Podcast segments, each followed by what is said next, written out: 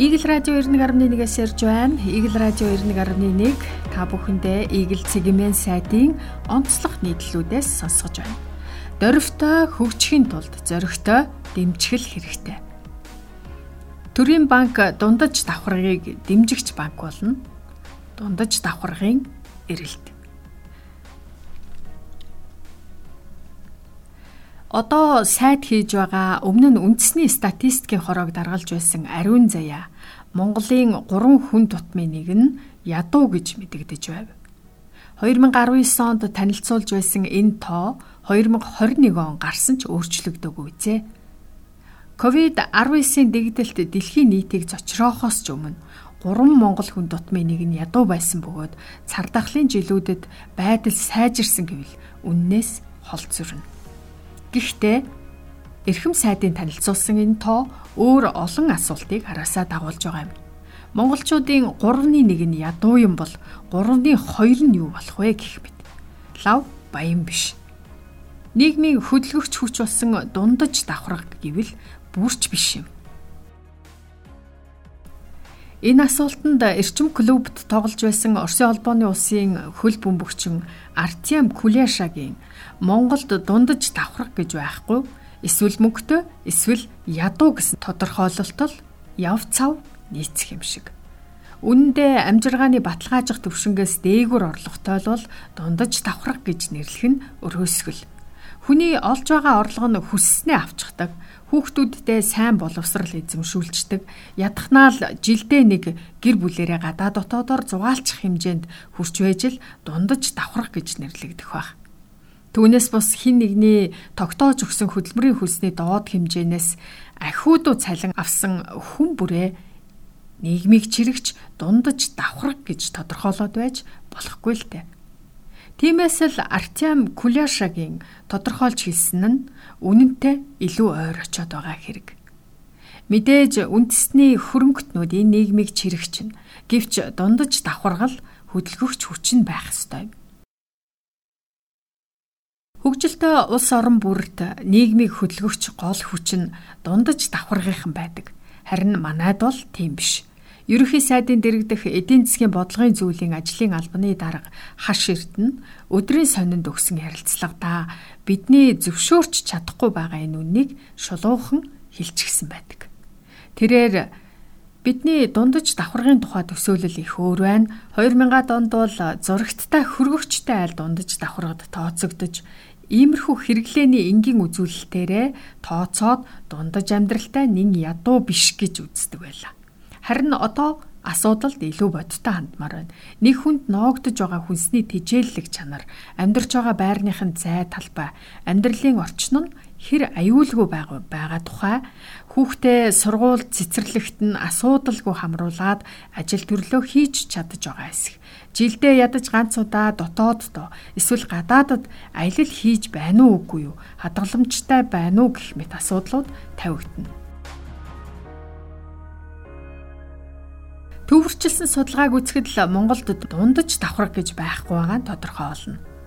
Энд манай иргэд хуримтлалтай юу гэсэн асуултанд 71% нь байхгүй, жилдээ нэг удаа эрүүл мэндийн үзлэгт хамрагдаж чаддгүй гэсэн асуултанд 73% нь чаддгүй, байрны зээл авах боломжтой эсэх тухай асуухад 69% нь боломжгүй, хөдөлмөрөөрөө хэдэн жилийн дараа байртай болох вэ гэсэн асуултанд 63% нь 20 ба түүнээс дээш жил гадаадд сурах боломжтой юу гэсэн асуултанд 94% нь боломжгүй гэж хариулсан байна. Энэ хариултууд дундаж давхраг байхгүйг илтгэж байна. Нөхцөл байдал ийм байгааг дээр дооргүй хүлээн зөвшөөрөхөөс өөр арга алгаа гэсэн байдаг. Шин хандлага, шин зорилт. Ямар боловч энэ засгийн газар үннийг нууссангүй. Хөгжил дэвшил, аз жаргал, баян ядуугийн зааг ялгаа, улс үндэстнүүдийн үнлэмжийг тооцох аргачлал үнэндээ өөрчлөгдөж байна. Ямар улсыг хөгжингүй улс гэх вэ? Ямар ард иргэдийг аз жаргалтай гэх гэдэг шалгуурч үндсэндээ хэдхэн жилийн өмнөхөөс эрс ялгаатай болжээ. Улс орны эдийн засгийг нэг хүнд ноогдох дотоодын нийт бүтээгдэхүүний өсөлтөөр бус нэг хүнд бодитоор хүртээж байгаа баялагын хэмжээгээр үнэлэх ёстой гэсэн санаа биелэлээ олж 100 иргэнтэй мянган төгрөг олоод 500 иргэдтэй зарцуулагддаг ус адилхан 100 иргэнтэй 1000 төгрөг олсон боловч 200-г нь л иргэдтэй зарцуулдаг усаас дээгүр үнэлэгдэх болов. Нэгдсэн үндэсний байгууллага 2012 оноос эхлэн аз жаргалын индекс тооцоолсон. Эдийн засгийн багтаамжаараа дэлхийд эхний дөрөвт бичигддэг Америк нэгдсэн улс, бүгд найрамдах хятад ард улс, Япон, Энэтхэгийн аль нь ч энэ аз жаргалын индексийг тэргүүлж байгаагүй. Харин дотоодын нийт бүтээгдэхүүний өсөлтөөрөө иргэддээ илүү нааж чаддаг дундаж цалин нийгмийн үйлчилгээний чанар хүртээмжээрээ тэргүүлэгч Скандинавын орнууд толгой зохиж иржээ. Бусад улс эхний дөрвийг л харж өсөлтийн төлөө ларж байсан бол одоо өсөлтөө өгөөж болоход анхаарч эхэлсэн гэж хэлж болох юм. Улс орны хөгжлийг хэмжих чиг хандлага ийхүү өөрчлөгдсөн тул улс төрчид эрх баригчдын удирдах арга барилд ч өөрчлөлт орж байна. Улс орнууд дотоодын нийт бүтээгдэхүүний өсөлтөөс гадна оновчтой зарцуулалтанд илүү ач холбогдол өгч нийгмийн аз жаргалыг хангах секторуудад эерэг үзүүлэлт гаргахыг чармааж байна.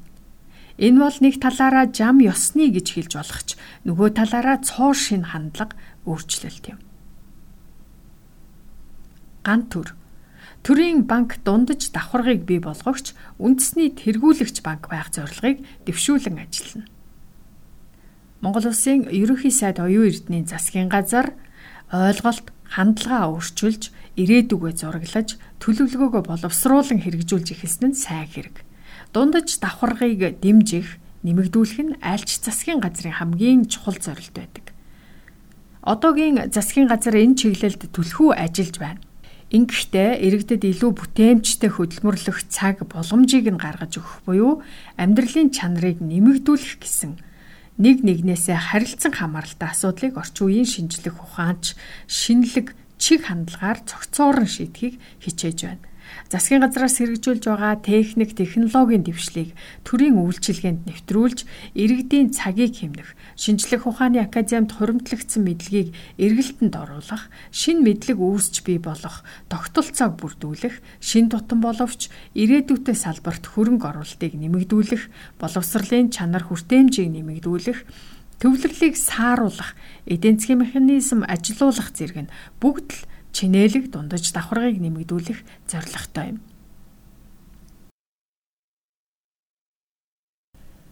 Энэ дундаас нэг шийдвэр нь үнэхээр нүдээ бас цагаа олсон байна. Юу гэхээр засгийн газраас ирэх жилүүдэд явуулах бодлого, иргэдтэй бэлэн мөнгө тусламж өгөх бус боломж дэмжлэг санал болгох чиглэлтэй байна гэд ерөнхий сайд оюун эрдэнэ ард түмэндээ хандаж үг хэлэхдээ онцолсон. Бэлэн мөнгө тараах биш ерөнхий сайд давс шиг гашуун гэж тодорхойлсон ч хүмүүст чихэр шиг сонсогдсон нэг мэдээ нь дундаж давхаргадаа зээл олгох, тэднийг бойжуулах, хооронд нь холбох гүүр болох банк санхүүгийн тогтолцоог бий болгох тухай байлаа. Дугуйг дахин зохиох шаардлагагүй гэдэг.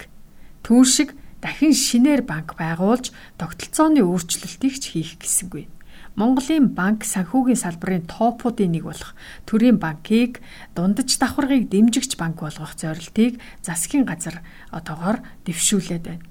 Энэ талаар сангийн сайд жавхланч олон нийтэд хандан мэдээлэл хийж онцолсон. Тэрээр нийгмийн дундаж давхарга гэдэг нь олон улсын тодорхойлолтоор өөр өөр байдаг. Манайд нийгмийн дундаж давхаргыг 1 саяас 3 сая хүртэлх орлоготой хэсгийг үзэж байна. Тэгэхээр бид нийгмийн дундаж давхаргад үйлчилнэ. Нийгмийн дундаж давхаргыг шинээр бий болгох, бойжуулах эрэлт хэрэгцээг төрийн банкар дамжуулан хийн, тус банкны чиг үүргийг нэмэлтээр тодорхойлж байна гэдгээ мэдгдсэн юм.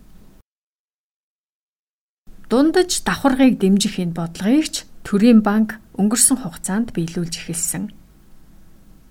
Засгийн газраас баталсан эрүүл мэндэ хамгаалж эдийн засгаас сэргиэх 10 их найдын цогц төлөвлөгөөний дагуу энэ оны 2 дугаар сарын 23-наас ажлын байраа хадгалж үлдсэн аж ахуй нэгж иргэдэд жилийн 3%-ийн хүүтэй зээлийг олгож ирснээрээ манай улс энэ тогтолцоо руу орсон гэдгийг ерөнхий сайд онцолсон. Тэгвэл Төрийн банк энэхүү бодлогын хүрээнд ажлын байрыг дэмжих зээлээр л гэхэд орон нутагт 6185 зээлдэгчид 258.4 тэрбум, Улаанбаатар хотод 2276 зээлдэгчид 152.7 тэрбум төгрөгийн зээлийг олгоод байгаа юм.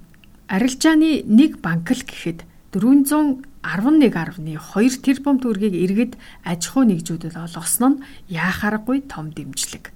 Хамгийн гол нь энэ дэмжлэг үргэлжилж дундаж давхаргыг дэмжих бодлогыг төрийн банкаараа дамжуулан хэрэгжүүлэхээр болсон нь олзуурах хүштэй гэдгийг дахин тодтогъё.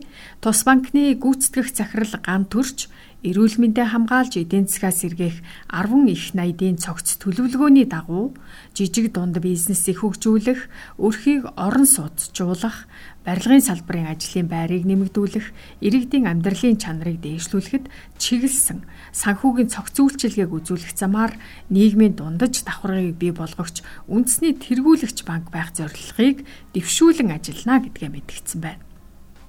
Үнэн дээр Дөрвтэй хөгжихийн тулд энэ мэтэр зоригтой дэмжигэл хэрэгтэй. Тэгж байж Артем Кулешагийн олоогүй дундаж давхраг Монголд мэдлэнэ.